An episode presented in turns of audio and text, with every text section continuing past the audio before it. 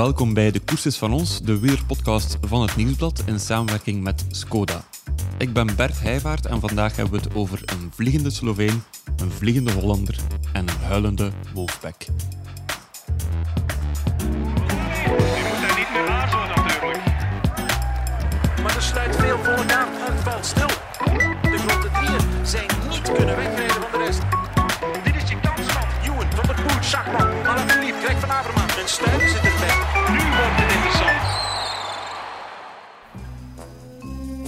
So I was going to every single uh, race favorite. Uh, They're all my we're all good friends, and I was like, I was showing off the back, and I was like, you know, James Bond song, and dropping off the the post. And I was like, Mate, what are you doing? This is not gonna make any difference. I was like, I tested it. It makes a lot of difference. Don't follow me in the distance. It's at your own risk. Een Sloveense James Bond heeft Milaan San Remo gewonnen. Matej Mohoric die vloog de Poggio af aan een waanzinnige snelheid dankzij een technologisch snufje. De Dropper Seat Post. Ik denk dat dat zowat de meest gegoogelde term moet zijn van het afgelopen weekend. Ik ben Bert Heijvaart, journalist bij het Nieuwsblad en ik vervang nog één keertje onze vaste host Michael. En in deze podcast analyseer ik samen met Jan-Pieter de Vlieger een zeer aantrekkelijke Milaan San Remo. We blikken ook vooruit ehm, naar de rest van het voorjaar, want Mathieu van der Poel, hoe goed was die eigenlijk? Wout van Aert, Quickstep, er valt nog heel wat te vertellen. Maar voor we dat doen, bel ik eerst even met Guy, Guy van Langenberg, onze wielercollega die de voorbije weken in Italië zat, die ook Milaan San Remo van heel dichtbij heeft gevolgd en die aanwezig was op een hilarische persconferentie met de winnaar. Dag Guy. Nee, dag Bert. Guy, jij zit al drie weken in Italië momenteel. Ja, ja, Het is de ja, laatste ja. dag. Ja, ja, Ja. ja. Waar zit je momenteel? Eh, In Sanremo nog, in, eh, in een hotel, hotelkamer, eh, niet ver van de Via Roma. eh, Waar gisteren Matej Mohoric, hè, Milan Sanremo won. En inderdaad, mijn laatste dag in Italië. Dus vanavond hoop ik al Zwitserland gepasseerd te zijn. En morgen doe ik de rest van het traject richting België. Oké. Eh, gisteren na de race stuurde jij mij al vrij snel eh, die, die tape van de persconferentie door. Hij zei, je moet er eens naar luisteren, de tape van het interview met Matej Mohoric. Want eh, hij zei, ja, dat is bij momenten pure stand-up comedy. Het is een heel openhartig interview met een klein jongetje die blij is die, die een koers heeft gewonnen. Ja, zeker en vast. Eh, eh, welke indruk gaf hij jou na de koers? Ja, heel blij uiteraard. Hè. Ik bedoel, hij wint zijn eerste monument.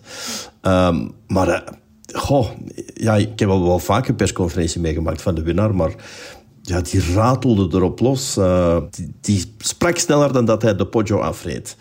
Het was echt, eh, echt leuk. Je stelde één vraag en je was vijf minuten zoet. Hij bleef maar vertellen, je moest geen tweede vraag stellen. De tweede vraag die je in gedachten had, daar gaf je ook al een antwoord op. Dus ja, leuk, heel leuk. Ja. ja, we kunnen er al een stukje naar luisteren, want het begint eigenlijk met het, met het feit dat hij zegt van we hadden eigenlijk altijd al dit plan. Vanaf deze winter eh, bestond al het plan aanvallen in de afdaling van de Poggio. We gaan even luisteren. For me today, uh, we had a plan that through the through the whole winter, the team came up with the idea of using a dropper post for this race because it suits me pretty well and it has a very technical descent at the very end. And uh, yes, of course, uh, I was open to the idea at the start, but I wanted to try first in uh, in training. And uh, the first time I tried, I was surprised how much difference it made, how much more control of the bike it gives, how much more safe you feel, and how much easier it is to correct your mistakes if you push too far. And uh, I was therefore very much looking forward to the race. Ja, het plan was inderdaad om, om aan te vallen in de afdaling. Eh, omdat hij ten eerste een heel goed taler is. Eh, en ten tweede omdat ze dat technologisch stufje hadden geïntroduceerd. Dus die, eh, die dropper post, iets wat uit het mountainbiken komt. En daar waren ze eigenlijk al in de winter mee begonnen. Mee experimenten gedaan, prototypes ontwikkeld. Eerst de 12 centimeter zadelpen. Dat bleek dan toch iets te hoog te zijn. Dus dan de 6 centimeter zadelpen. En daar voelde hij zich heel comfortabel bij. Uh, nu, Mohoric heeft natuurlijk altijd al die reputatie gehad van, van misschien wel de beste daler te zijn uit het ganse peloton. Uh, is ook de man die de supertuck heeft geïntroduceerd. Dus het, uh, het zitten op de, op de buis. Uh, wat helaas, of helaas nee, wat niet meer is toegestaan momenteel. Maar enfin ja, hij was dus al een superdaler en hij heeft dan nog gebruik gemaakt van een, een, een geoorloofd technologisch middeltje. Kan je eens uitleggen wat dat juist is, die dropper post? Ja, dat komt uit het mountainbiken. Mountainbikers uh, gebruiken dat vaker. Dat is dus een, een, een systeem waarmee je tijdens de wedstrijd je zadel kan laten zakken of omhoog kun, kunt laten komen. Dus dat is eigenlijk met een hydraulisch systeem. Dus dat is een hendeltje aan je, aan je, aan je stuur en je, je duwt daarop en dan zakt je je zadel of je zadel stijgt. Um, is het voordeel? Dus, dus, op het moment dat hij aan de afdaling begint, laat hij zijn, zijn zadel zakken. Dus hij blijft reglementair op zijn zadel zitten, wat moet. Uh, maar hij komt wel veel lager te zitten, waardoor zijn, zijn houding veel aerodynamischer is. En tegelijk behoudt hij eigenlijk nog veel meer de controle over zijn fiets. Dus het is bijna zo efficiënt als de, als de Supertruck. En het is veel veiliger dan als de Supertruck. Dus het is ja, geniaal dat ze eraan gedacht hebben. En eigenlijk een klein beetje verwonderlijk dat niemand anders eraan gedacht heeft. Ja, ja, ja want het lijkt redelijk simpel systeem. Het is geen hoogtechnologisch snufje. Het is iets wat al een aantal jaar bestaat, ook het mountainbike. En wat ik wel interessant vond, is dat hij doorheen de, de koers van 300 kilometer, ja, je hebt wat tijd dan natuurlijk, bij zijn collega's ging mhm. en inderdaad ermee ging stoeven. Ja, ja absoluut. En uh, hij vertelde dan dat hij altijd, als hij iemand tegenkwam, dan, dan begon hij het, uh, het van James Bond te neurien. En dan liet hij zijn zadel zakken en terug omhoog komen. En dan, dan, zag je die collega's kijken en zeggen: Matthij, uh, you are crazy. You're not going to use this. It doesn't give you any advantage. En dan zei hij: ja, wel, jawel, je, je zal het straks wel zien. Maar volg me niet in de afdaling, want dat is op eigen risico. Dus, dus hij echt. Had het eigenlijk al aangekondigd op voorhand aan zijn collega's: van kijk jongens, ik heb dit. En ik ga de, afdaling van mijn leven rijden. rijden. En, en hij heeft woord gehouden. En dat maakt het eigenlijk fantastisch. Hè? I was joking with the other guys in the peloton today because we had time to joke. It was a long race, so I was going to every single uh, race favorite. Uh, they're all my we're all good friends, and I was like, I was showing off the back, and I was like, tum tum tum, you know, James Bond song, and dropping off the the seat post. And they were like, Mate, what are you doing? This is not gonna make any difference. I was like, I tested it. It makes a lot of difference. Don't follow me in the distance. It's at your own risk and uh, and uh, yeah, they were like uh, laughing at it and uh, a little bit, but also being jealous. Of course, I would also be jealous if someone else has something I don't have, you know. And uh, yeah, it was it was a one-off, and uh, I was joking. Yeah, I said I destroyed the cycling one time with the super truck. It doesn't look very nice on the TV, especially if done yeah by most guys and I will destroy it now for the second time because now, from now on, from today on, we will all need to think of one more thing to, to switch on our bike because you need to operate with it. it. doesn't work by itself, you know. You need to decide when to when to go down and when to go up. So you need to think about things when you go downhill, you know. So it's going to be one more thing. Like it's like Formula One, you know. You have like they started with the with the gas and with the brake, and now they have like what 180 buttons to decide the, how the things move, you know. So yeah, destroyed cycling for the second time. Ja, fantastisch verhaal. Heb jij nog collega's van hem gesproken die daarover gepraat hebben, die dat gezien hebben, dat hij daar al mee aan het, aan nee, was? Nee, nee, want ja, wij kwamen het ook pas achteraf te weten, dus we hebben daar niet meer de, tijd of de mogelijkheid gehad om anderen daarmee te confronteren. Maar... Uh, ik ja, wist er maar zeker van dat hij bij Pogacar is langs geweest, dat hij bij Roglic is langs geweest. Misschien is hij ook wel bij Wout langs geweest. Het is een vrij populaire jongen. Dus, uh, en zoals hij zelf zei, het is 300 kilometer, waarvan toch de eerste 200 vrij saai zijn. Dus daar heb je wel wat tijd om, uh, om indruk te maken. Hè. Het is natuurlijk, Mohoric wint Milan-San Remo niet alleen door een technisch snufje. Hij wint doordat hij één eerst en vooral een steengoede coureur is die nog mee is over het Poggio. Zoveel waren dat er niet. Hmm. En twee, uh, omdat hij echt een fantastische daler is ook natuurlijk. Hij heeft echt uh, enorme stuurvaardigheid. Hmm. Je hebt hem ook gevraagd, hoe komt dat? Hè? Van waar komt dat? Welk verleden heb je dat je zoveel vertrouwen hebt in jezelf in de afdaling? Ja, dat, uh, hij is uit, afkomstig uit een bergdorpje. er zijn een dertigtal gezinnen, maar ik had eigenlijk veel leeftijdsgenootjes. En wij gingen mountainbiken, wij maakten parcoursen in de bossen en in de bergen. En dan was het ja, gewoon een kwestie om, om zo rap en zo, zo snel mogelijk mogelijk eh, beneden en boven te geraken. En daar heeft hij die skills op gedaan waar hij nu eigenlijk nog opteert. Uh, zegt ook, uh, mijn dochtertje van twee, die, die fietst nu ook al. En ja, dat gaat van links naar rechts. Dat gaat bergop, dat gaat bergaf. En, en zo leer je het gewoon. En, en ja, daar, daar heeft hij nu echt wel de vruchten van geplukt.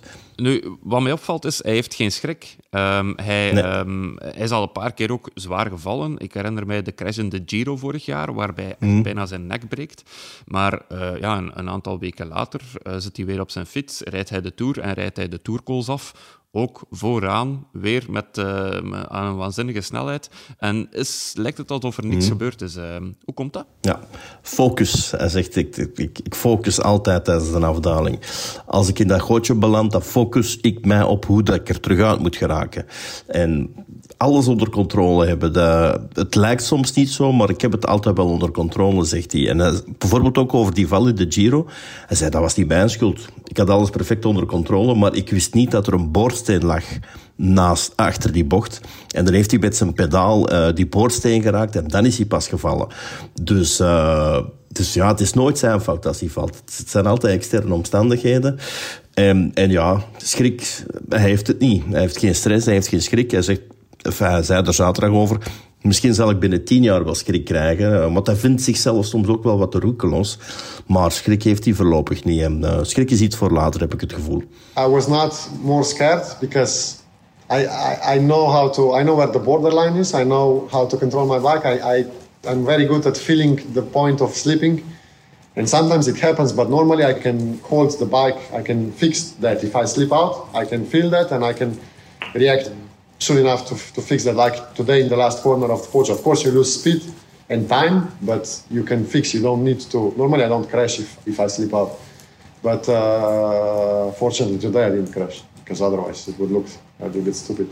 But uh, yeah, in zero, unfortunately at that very moment that I slipped out, the bike fixed the position and I actually hold the bike, so I normally wouldn't crash, but I I touch the sidewalk with my pedal that just appeared at that very moment. So it was for me, to me, to my mind, it was more of, a, of an accident, like if you trip down when you go down the stairs. It was not really a racing incident. We hebben al een tijdje geleden kennis gemaakt hè, met Mohoric, uh, met zijn daalcapaciteiten. Hij wordt in 2012 wereldkampioen bij de junioren, maar dan een jaar later direct bij de beloften in Firenze, ook door echt een waanzinnige afdaling.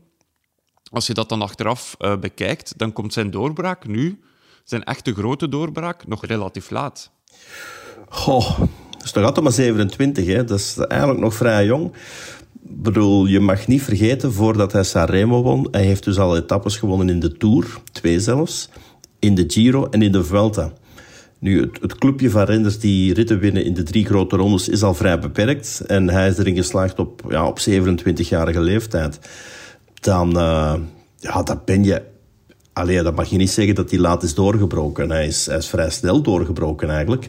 Maar hij is ook heel vroeg prof geworden. Hij was uh, nog geen twintig toen hij prof werd. En dat was misschien een jaar te vroeg, maar hij heeft uiteindelijk toch wel vrij snel zijn weg gevonden in dat profpeloton. En uh, we gaan er nog veel van horen. Ik bedoel, dit is zijn eerste grote zege, maar ik vermoed niet zijn laatste. Gaan we hem nog zien dit voorjaar? Hij gaat alles rijden tot en met Luik. Dus uh, als ik het programma bekijk, dan uh, is hij vrijdag in Harelbeke rijdt hij zondag uh, Gent-Wevelgem, dan rijdt hij de Ronde. Hij rijdt Amstel, hij rijdt Roubaix en hij rijdt Luik. Je mag niet vergeten, hij is ook al eens vijfde geweest in Luik. Hè. Enfin, ik kan mij vergissen, maar ik denk dat hij al eens vijfde is geweest in Luik. Uh, dus ook op dat terrein kan hij uit de voeten. Ja, Amstel moet hij ook zeker kunnen. Uh, en hij doet de combinatie Luik-Roubaix, dat is wel opvallend. Uh, ja, met die verandering in de kalender is het nu misschien iets logischer of iets makkelijker. Roubaix is een week opgeschoven omwille van de Franse presidentsverkiezingen. Dus Roubaix valt nu tussen Amstel en, en, en Luik. Dus ja, is het misschien iets makkelijker om beide te combineren. Dus, maar hij doet het. Uh, er zullen niet veel zijn die dat doen. Nee, oké. Dan nog een vraagje over een ander opvallend figuur in uh, Milaan Sanremo. Uh, Mathieu van der Poel. Die reed mee om even te trainen, hè, om uh, die 300 mhm. kilometer af te malen, maar wordt dan vlotjes derde. Ja, dat hebben wij ervan gemaakt. Hè. Bedoel, hij heeft dat nooit gezegd dat ik kwam om te trainen. Uh, voor ons was dat een veronderstelling. Bedoel, als je nog niet gekoest hebt en je gaat meteen Milan Sanremo rijden, dan zou het wel eens kunnen zijn dat je dat ook ziet als een training uh, voor de wedstrijden die erachter komen. Want die 300 kilometer die zijn natuurlijk goed meegenomen. Maar ja, we hebben ons erin vergist. Hè. Die kwam niet om te trainen, die kwam om te winnen. En uh, hij was er eigenlijk nog heel dichtbij. En dat is, ja, dat is wonderbaarlijk. Hè. Ja, want als je al zo goed bent, met nog geen enkele koerskilometer in de benen, ja, dan kan je toch afvragen, was dit niet altijd al het plan? Ja, er zijn rijders die dat denken. Uh, Wout uh, die liet dat zo toch uitschijnen. Uh, maar als je dan de broers Roodhoofd hoort, Christophe, de, de, ja, toch, toch een beetje de sportieve baas van de ploeg, die zei van nee, Jenny Verbeers is, is ziek geworden op donderdag tijdens de training. En wij hebben Mathieu gebeld met de vraag of hij het zag zitten. En hij heeft twee uur bedenktijd gevraagd en heeft toegezegd. En ik denk eerlijk ook dat het zo gelopen is. Want ik ken wel wat mensen binnen de ploeg. En die zeiden van, ja, uh, het, was, het stond niet op de planning. En, en er waren erbij die zelfs heel verbaasd waren. En die achteraf zeiden van, ja, sorry, wij wisten het ook niet. Is zij nu klaar? Ah, kan je nu zeggen van, als je meedoet in Sanremo, als je daar die Cipressa overgeraakt met dat, uh, met dat select groepje, hmm. dan ben je klaar voor de rest van het voorjaar? Dat is misschien iets te kort door de bocht, omdat Sanremo is een heel typische wedstrijd. Hè. Cipressa die komt pas na ja, 270 kilometer. Die 270 voorafgaande kilometers die zijn iets minder lastig dan dat je bijvoorbeeld in de Ronde van Vlaanderen, hè, die laatste lus, en je gaat nog eens naar Quaremont-Paterberg. Ja, al hetgeen wat daarvoor kwam, is, is veel lastiger dan bijvoorbeeld de, de, de Capo Perta, de Capo Mele en de Capo Cervi. Dus ik durf nog niet 100% zeker zeggen of hij klaar is voor Vlaanderen. Maar eigenlijk zou je met je kennende moeten zeggen van ja, hij is 100% klaar voor Vlaanderen. Ja, ja. oké, dat zullen we zien de komende weken. Guy, heel erg bedankt voor jouw tijd, zowel uh, de voorbije weken als zeker ook vandaag, uh, om nog even uh, voor ons aan de telefoon te komen. En dan zien wij jou terug vanaf volgende week hier in België. Graag gedaan. Je gezin is net als een wielerploeg. We moedigen elkaar aan. En we weten dat we met de tips van onze ploegleider we alle kansen hebben om echte kampioenen te worden. Skoda, supporter van de grootste fietsfamilie. We zijn intussen verhuisd van het schilderachtige Sanremo naar de even schilderachtige living van Jan-Pieter de Vlieger. Ja, dat werd uh, schilderen moeten we nog doen, maar uh, ah, ja. we wonen hier nog maar twee jaar. Ah ja, maar er is wel al behangpapier met bloemetjes ja, ja dat is uh, een doorn in het oog, vooral van mijn, uh, van mijn vriendin.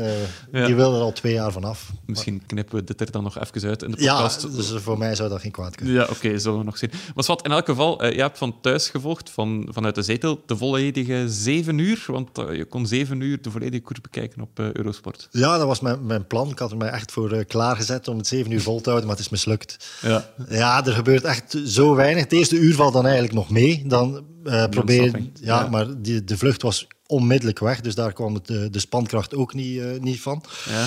En toen, ja, toen de commentatoren, uh, met alle credits voor Jeroen van Bellegem en uh, Karsten Kroon, maar toen het over de blauwe kiekendief en zo begon te gaan, heb ik uh, afgehaakt. Ook omdat er een beetje praktische problemen opdoken, waardoor ik niet kon blijven zitten. Ik dacht, ik kan mijn zaterdag toch iets nuttiger ja, besteden. Ja, en vooral de rest van de familie vond dat. maar ehm, de laatste 100 kilometer heb ik wel ja, gezien. Ja, ja. Nu, we zitten hier ook om de koers verder te analyseren, want je hebt een aantal cijfers meegebracht, wel interessante cijfers. We gaan daar eens verder naar kijken. En ja, een eerste cijfer gaat over de Cipressa, hè, want de koers is wel vroeger ontploft dan we gewoon zijn. Ja, inderdaad. Normaal is dat uh, weliswaar uh, een, een, factor in de race die een beetje voor vermoeidheid zorgt, maar een beslissend, uh, beslissend element is dat niet geweest in de laatste, de laatste jaren. En het is de snelste beklimming geweest van de Cipressa in 20 jaar. Dus dat zegt wel veel. En Eigenlijk was het voordien al begonnen, zag je dat Total Energie uh, begon uh, echt tempo te rijden in aanloop naar de Cipressa, met de pech dat Peter Sagan net op dat moment problemen had met zijn derailleur, waardoor dat hij wegviel achteraan en niet meer uh, in de wedstrijd is teruggekeerd. Mm -hmm. Maar van vanaf dat moment ging het tempo enorm ja, omhoog. Het was vooral UAE, in dienst van Pogacar, die, die het tempo opvoerde. Davide Formulo, die echt een enorme inspanning heeft gedaan. Bleef nog een man of 25 over. En wat vooral opviel, eh, de rest kwam niet meer terug. Normaal gezien gebeurt het dat daar een kleine schifting is, maar in de afdaling komt alles terug samen. Nu niet. Hoe kwam dat eigenlijk? Uh, door wat je aanhaalt, denk ik. Door het tempo van... Uh, eerst was het uh, Polans, wiens vader blijkbaar trainer geweest is van, van Pogacar. Ah. En daarna nam Formulo over. En ja, dat tempo lag zo hoog dat er enorm veel renners afvielen. Ik denk ook wel omdat je door die ziekte met een uitgedund peloton zit, waardoor dat een aantal ploegen geen kopman hadden om voor te werken, waardoor dat er misschien iets, iets sneller de brui aangegeven wordt of dat er te weinig ploegen zijn om nadien nog een echte achtervolging Ja, eh, op te zetten. Ja. Maar het is waar, normaal gezien ehm, ga je met een heel groot peloton naar de Poggio. Het cliché van eh, vooraan opdraaien op de Poggio. Eh, het was minder belangrijk deze keer, denk ik, de positionering niet cruciaal was eh, aan de voet van de Poggio, want je zat met zo'n kleine groep dat je wel kon opschuiven als je Ja. sterk genoeg was. Op de Poggio zelf is er eigenlijk... Er is wel wat gebeurd, maar er is geen schifting doorgevoerd. Ja, En er is veel gebeurd. Ja, ja, maar dat was wel verrassend. Komt dat door die Cipressa dan? Door het feit dat ze daar echt zo'n tempo hebben opgelegd, dat de snelheid, de scherpte misschien wel is afgebot? Ja, dat, dat zou kunnen. Maar natuurlijk, degenen die nog overblijven waren alle, alle kopmannen. Ja, Ja. Dat, dat, dat lijkt alsof, dan een beetje alsof dat, dat er geen verschil gemaakt wordt. Maar waarschijnlijk zijn die, die wattages gigantisch. En Ja. de antwoorden op die aanvallen net zo gigantisch. Ja. Maar ja, natuurlijk omdat ze zo dicht bij elkaar zitten... eh, Komt dat, heeft dat niet het spectaculaire effect van een, een verschroeiende versnelling. Maar Nee, eh, ja, Pogacar die het vier keer naar elkaar probeert of zo, veel meer kan je niet, eh, kan je Nee. niet verwachten. Nee, nee, nee. Ja. En, eh, opent het nu de ogen van, van mannen met een grote motor, zoals Pogacar, maar ook zoals Van Aert en zo, dat je eigenlijk die koers gewoon al sneller in zijn beslissende plooi kan leggen door een enorm tempo op te leggen op de Cipressa? Is het een blauwdruk voor de komende jaren of niet? Ehm, na mijn eh, laatste 100 kilometer ben ik blijven zitten op Eurosport voor de, de nabeschouwing. Ja. En ehm, Daniel Lloyd, de, een van de analisten daar, die interpreteerde dat heel erg op, wat, op de manier die jij nu aanhaalt, dat dat eh, inderdaad een soort eh, ja, historische editie zou zijn, die teams duidelijk maakt van kijk, zo kan je, de, zo kan je Milaan Sanremo winnen. Eh, als je geen sprinter eh, in de ploeg hebt, Ja. het kan wel degelijk om de Cipressa te gebruiken om eh, de wedstrijd in een beslissende plooi te leggen. Ja, ja, ja. Dat zullen we nog zien. Wat mij wel opvalt is, eh, bij die 25 man zit dan ook de winnaar, Matej Mohoric. En in de persconferentie waar we het al over hadden, eerder in deze podcast, zei hij iets opvallend. Van, want Mohoric die is gevallen in de Strade Bianche, heeft daarbij zijn knie serieus pijn gedaan, zijn patellapees was ontstoken en hij is een aantal dagen van de fiets moeten blijven daarna. Een vijftal dagen kon hij gewoon niet fietsen, kon hij zelfs bijna de trap niet op. Eh, we gaan even luisteren daarnaar.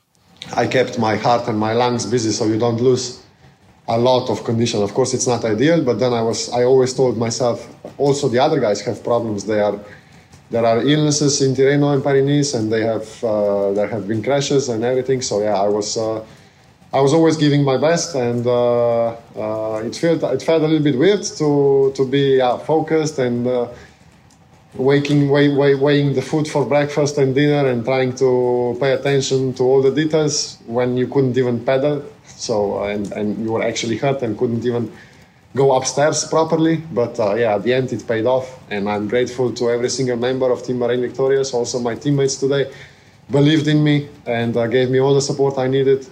And yeah, thanks also to all the mechanics that actually made this possible, to all our partners, and I'm lost for words actually. Ja, dat valt wel op, hè, dat hij eigenlijk, dat, dat geen Tirreno in de benen heeft en hier een fantastische koers rijdt, bij de beste 25 overblijft. Maar er is nog eentje straffer, Mathieu van der Poel, die had nog geen enkele kilometer in de benen dit seizoen en die wordt derde. Hoe kan dat? Eh, omdat Mathieu van der Poel is natuurlijk. En ook wel om, volgens eh, veel mensen moeten we af van het idee van je moet koersen eh, gereden hebben om koersen te kunnen winnen. Ja. Dat zou het oude wielrennen zijn. Ik denk dat er voor een deel van het peloton klopt en voor een ander deel niet. Hoe meer talent dat je hebt, hoe minder dat je die wedstrijden nodig hebt. Ja. Een zinnetje dat bij mij blijven hangen is van een interview dat heel lang geleden is ondertussen met eh, Paul van den Bos, de trainer van eh, Thomas de Gent eh, onder andere en Tim Welles. Die zei, wat is talent? Als je daar een definitie van wil geven van talent, dat is dat uw fysiologische reactie, de reactie van uw lichaam op een trainingsprikkel. Hoe meer talent, hoe groter dat die reactie is, dus hoe groter dat uw conditionele winst is. Dus ja, bij die supertalenten, bij Mohoric, bij eh, Mathieu van der Poel, bij Wout van Aert ook, want die was ook uitzonderlijk goed toen Ja. hij van eh, tijden kwam Ja, ja, in eh, Omloop het Nieuwsblad. Bij die gasten, die, die hebben daar een enorme reactie op, op veel training. Dus bij hen volstaat dat blijkbaar om competitief te zijn. En wat doen die dan? Wat, wat doet de Van der Poel dan in Spanje als hij daar helemaal alleen zit een aantal weken? Ja, dat is natuurlijk ook een element van het verhaal. Hij doet heel veel. Ja. We hebben het eh, kunnen volgen op, eh, op Strava wat dat hij allemaal gedaan heeft. Ik heb hier eh, opgeschreven, maar niet zo heel netjes, dus ik moet mijn papiertje een beetje fatsoeneren. Maar op 9 maart heeft hij 7 uur op de fiets gezeten. Op 12 maart heeft hij 6 uur en 37 minuten op de fiets gezeten. Fueled by Brunello, schreef hij erbij. Erbij. Dus eh, de brandstof was de, de wijn die hij de avond Ja. voordien had gedronken. Dus ja, het is niet dat hij daar eh, met de vingers zit te draaien. Ja, heeft dat zijn enorme trainingszitten die, denk ik, niet zoveel coureurs doen. Hè. Eh, zijn er veel coureurs die zes, meer dan zes uur op de fiets zitten? Jawel, onze Ja? oude Belgen die doen dat ook wel allemaal. Ah, ja, ja, ja. van Avermaat. Oliver Naassen heeft zelfs een beetje moeten eh, terugschroeven in trainingsvolume. Dus ja. Maar eh, in totaal heeft Van der Poel 3507 kilometer in Spanje gefietst. Dat is op een, eh, ja, een dikke maand, denk ik. Dus dat is wel veel. Dat is meer dan... een grote ronde. Ja, dat is een grote ronde, Ja, inderdaad. ja, ja, ja. En dat is meer dan, dan gasten die in een wedstrijd circuit zitten. Het, ik had al indicaties op training met waardes die ik eh, al lang niet meer had gereden. Dus daar was ik al heel blij mee. Maar een koers is altijd nog net iets anders natuurlijk. Je bent blij dat je hebt laten overtuigen om hier te starten? Ja, jawel. Ze hebben me wel echt moeten overtuigen. Man. Ze hebben me twee uur extra moeten geven om na te denken. Maar ik ben uiteindelijk wel blij eh, dat ik het En gedaan waarom heb. twijfelde je dan zo? Ja, ik kwam gewoon aan het plan van kopie houden. En ja, ook ja, voor terug te beginnen in zo'n monument is altijd natuurlijk wat, wat meer eh, media-aandacht en zo allemaal. En, ik weet niet, ik had ook net twee dagen redelijk hard getraind nog thuis. Dus het overvalde me gewoon een beetje. En, eh, maar ik ben uiteindelijk wel, eh, wel blij dat ik het gedaan heb. Ja. Als je dat allemaal hoort, als je dan ziet hoe fris hij aan de start stond, denk ik als leek, eh, was het niet gewoon allemaal gepland. Ja, nu trap je op de tenen van eh, de ploegleider van Mathieu van der Poel, van Christophe Roodhoofd. Ja. Want, eh, ik had die vrijdag aan de lijn. En die zit daar wel mee in zijn maag dat, dat, dat die schijn gewekt wordt. Niet alleen dit jaar, maar ook al vorig jaar, toen hij ook een beetje ter elfder uren aan de start stond van het WK en van eh, Parijs-Roubaix. Ja. En natuurlijk heeft dat het voordeel dat hij volstrekt zonder verwachtingen kan starten, in tegenstelling tot alle andere favorieten. Maar zij zeggen dat dat absurd is om te denken dat dat ergens in scène wordt gezet, dat daar een groot masterplan achter zit om tot die situatie te komen. Ja. Ik denk dat Mathieu van der Poel ook wel goed genoeg is om dat niet nodig te hebben. Druk heeft hij in, in zijn hele wielerleven al gehad en hij is nog nooit een grote rem geweest. Dus om daar nu van, van alles rond te gaan spinnen om dat eh, uit de weg te gaan, ik geloof er ook helemaal niet in. De officiële versie is dat eh, donderdag op training Gianni Vermeers eh, ziek ge- geworden is, of zelfs al ziek eh, aan, aan de training begonnen is, dat hij in de auto moet stappen is onderweg. Dat ze beginnen nadenken zijn, wie kan er hem vervangen? Ah, we hebben een renner die dinsdag zou beginnen aan Coppi Bartali. Kunnen we die een- niet een dag vroeger op, eh, op het vliegtuig naar Die Italië noemt zetten? toevallig Mathieu van der Poel. Die heet to- toevallig Mathieu van der Poel. Die heeft daar even moeten over, over nadenken. We hebben het zo, zoverre gereconstrueerd. Twee uur Ja. zou het geweest zijn. En toen heeft hij toegezegd. Dus dat is het verhaal. Maar dat dat, dat bij Wout van Aert, die dan, dan wel met eh, de, het grote eh, doelwit op zijn, op zijn rug rondfietst, dat dat voor hem... Ja, dat hij daar een beetje meewarig over doet, dat is ook wel eh, te begrijpen. Ja, ja, ja. Nu ja, dat blijft altijd een beetje koffiedik kijken wat er echt allemaal gezegd wordt binnen die ploeg. Maar ehm, ik herinner mij ook nog, ik ben zelf nog wielerreporter geweest eh, in, een, in een ver verleden. En Niels Albert werd ooit wereldkampioen veldrijden. Ook onder Christophe Roodhoft. Nadat hij gevallen was in Gaveren, een hele lange revalidatie had moeten doen. Want hij had ja, een gebroken elleboog, denk ik, of een gebroken rib. Ik weet het Eh, niet meer juist. Scheurde mild was dat? Ah, gescheurde mild, ja, ja, klopt. Ja.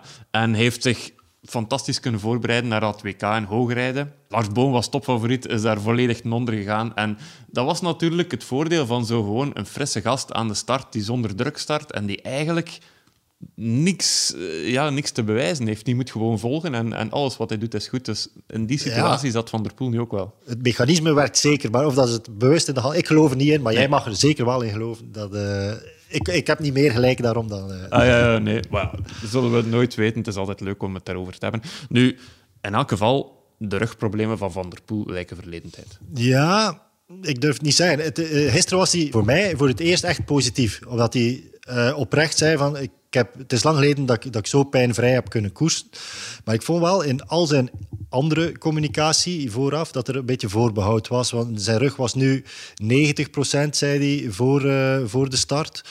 Dat is ook nog niet 100% Dus ik denk dat het wel nog altijd een beetje management is van de pijn op dit moment. Dan dat hij eh, volledig het probleem van de baan heeft eh, Ja, gekregen. ja, ja, ja, ja. Is hij nu sowieso een factor in de komende koers? Ik neem aan van wel. Hè. Eh, Rond van Vlaanderen, Parijs-Roubaix, daar gaat hij meedoen. Ja, Eh, zonder twijfel, Ja, zonder twijfel. ja. Wat betekent dat voor, eh voor Wout van Aert? Goeie vraag, ja, dat hij er een grote rivaal, zijn eeuwige rivaal opnieuw bij heeft. Ja. Ja, één renner meer die hem kan kloppen. En kruipt dat tussen de oren? Ik weet het niet of dan die...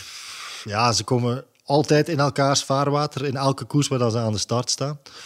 Zelfs vorig jaar in, in, in de Tour waren ze plots in duel voor de hele trui. Ja, zitten die in mekaars hoofd, staren ze zich blind op elkaar. Er zijn misschien wat incidentjes geweest. Zo. Gent-Wevelgem was dan het, het voorbeeld bij uitstak waar dat wel een beetje zo was. Ik denk dat dat wel meevalt over het algemeen. Ja, ja. Nu Van Aert, eh, over zijn koers zelf nog van, eh, van dit weekend. Ehm, ik denk niet dat er hem veel te verwijten valt. Hij was mee, hij sprong altijd mee op het achterwiel van Pogacar. Had hij iets anders kunnen doen of iets meer kunnen doen? Nee, hij, voor mij niet. Ik weet niet, ik denk niet dat het een vertrouwensboost is naar het voorjaar. En het is ook niet iets dat zijn vertrouwen zou moeten ondermijnen. Hij was eh, op de afspraak, hij kon elke aanval van, van Pogacar eh, quasi onmiddellijk eh, beantwoorden. Het enige dat, hij, dat hem ontbrak was een ploegmaat. Ja, ja, ja. Roglic?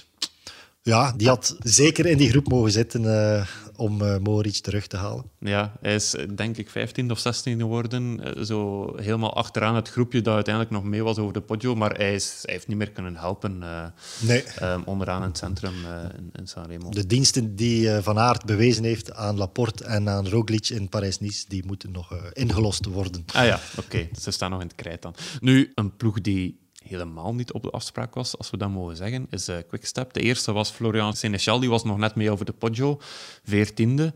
Maar voor de rest, ja, ze zaten eigenlijk totaal niet in koers. Fabio Jacobsen, mm, ja, eerste deelname. We wisten dat het heel lastig ging worden voor hem, maar die, die, was, eraf, die was eraf op de Cipressa, op zes minuten geëindigd. Ja, het is wel pijnlijk voor Quickstep. Ja, maar ik denk dat ze het wel een beetje op voorhand hadden ingeschat Ja? dat het niet hun editie zou worden van eh Milan Sanremo. Ehm Seneschal was denk ik de, de, beste, Ja. de beste man. Die was er nog wel, wel bij op de podium, maar ook niet om, eh, om bepalend te zijn. Er zijn veel verzachtende omstandigheden met zoveel zieken. En eh, ja, ik schrijf altijd de column op met Patrick Lefevre, dus ik heb hem maar denk ik al, eh, ik weet niet, 100, 100 uren en meer ge- geïnterviewd. En hij heeft een paar van eh, standaardzinnen die altijd terugkomen, en de meeste in het Frans om een of andere reden. Eén daarvan is eh, Tout le monde doit justifier son salaire. Dus iedereen moet altijd zijn, zijn salaris eh, Ja. verantwoorden. En een andere zin van Lefevre is eh, l'équipe est toujours à l'auteur du leader. Dus de ploeg is altijd eh, op het niveau van de leider. En ik denk dat dat probleem was in Sanremo. Er was geen leider. En dan, ja, iedereen ehm, in plaats van een stapje hoger, ga je een stapje lager. Het is makkelijk om jezelf te overtreffen in de schaduw van een leider, maar moeilijk om dat te doen als, als er toch wat ogen op jou gericht zijn. Ja, ja, ja. Natuurlijk, je hebt gelijk. Hè. Ehm, als Green, eh Alaphilippe, Lampaard, dat zijn niet de minsten die allemaal zijn uitgevallen. Ehm, komt het nog goed dit voorjaar? Ja, ik denk het wel. Eh Quickstep heeft wel een beetje een geschiedenis van eh, wonderbaarlijke verrijzenissen soms. Ehm, ja, ik zie het wel goed komen. Ik denk ook nog Stibar, ehm Lampaard, Alaphilippe, als die allemaal... Enfin, Alaphilippe is dan niet voor het Vlaamse, Vlaamse voorjaar. Maar als die kunnen uitzieken, als Asgreen zijn niveau haalt... Want de signalen dat je daarover hoorde, was dat hij nog sterker geworden was. Dus ja, als, als die dat inlost, dan eh, is dat een heel sterke ploeg voor het Ja, ja, ja, ja. Maar het is een feit, openingsweekend, Milan Sanremo is ja, onder Ja. de maat voor eh Quickstep. Nu, toevallig hadden we deze week eh, een stuk in de krant, naar aanleiding van 20 jaar bestaan van Quickstep, van de ploeg, eh, over 2011. Ehm, dat was echt een verschrikkelijk jaar voor, voor, eh, voor het team. hè. Acht zegens in totaal. Eh, Mark de Maar was daar zegenkoning van de ploeg met vier zegens. Toen lukte echt totaal niks. Is, is dit vergelijkbaar met toen? Eh, ik denk het niet, maar wat Patrick Lefevre vertelde over, die, over dat jaar was wel van de mot zat erin en de winning spirit was weg. Misschien dat dat op dit moment ook wel een beetje aan de orde is. Om, anderzijds moet je zeggen dat ze al, ik weet het niet, 12, 14 koersen gewonnen hebben dit jaar. Weliswaar veel sprints met, met eh, Jacobsen en, eh, en Cavendish. Ja. Dus het is, ze zijn niet slecht aan het seizoen begonnen. Alleen het eh, specifieke werk waar we hen altijd mee associëren en waar Lefevre zich aan ergert als we hen herleiden tot voorjaarsploeg. Daarin hebben ze zeker ja, nog niet eh, op niveau gepresteerd. Maar in 2011 waren er structurele redenen. Waren ze budgetair eh, de onderknuppel van, eh, van het peloton. Reden ze op fietsen die blijkbaar niet op niveau waren. Dat soort problemen zijn er op dit moment niet. Ja. Misschien moeten ze gewoon een dropper seatpost bestellen online en alles is opgelost. Ik denk ook dat daarmee alles opgelost Heb is. jij het nieuwe al besteld? Ik heb er twee besteld. Als ze gaan op uitverkocht zijn. Ja. Ja. Oké, ik denk dat we daarmee uitgebabbeld zijn eh, voor deze podcast. Jan-Pieter, heel erg bedankt. Ehm, en ja, wij zien eh, jou terug, of wij horen jou terug eh, volgende week, neem ik aan, ergens in aanloop naar de Vlaamse koersen. Dus ehm, dikke merci. En ook om ons te ontvangen in dit schilderachtige Schilderachtig is het Ja. woord. Ja, zeer graag gedaan. Oké, tot de volgende keer. Voilà, ehm, afscheid nemen doen wij altijd in dankbaarheid in deze podcast. Dank aan Jan-Pieter de Vlieger, dank aan Guy van Langenberg, dank aan Skoda ook, de auto van de koers en onze trouwe partner. Dank aan House of Media om ons goed te laten klinken en dank aan het Nieuwsblad, de krant van de koers. Maar vooral dank aan jullie, best luisteraars. Wij zijn er donderdag terug met de sterren in aanloop naar de E3-prijs en Gent-Wevelgem. Tot dan! Sluit veel voor aan en het valt stil. De grote vier zijn niet kunnen wegrijden van de rest. Dit is je kansman. Ewan, van het boet, Schakman, lief, Greg van Avermaat en Stuyven zit erbij.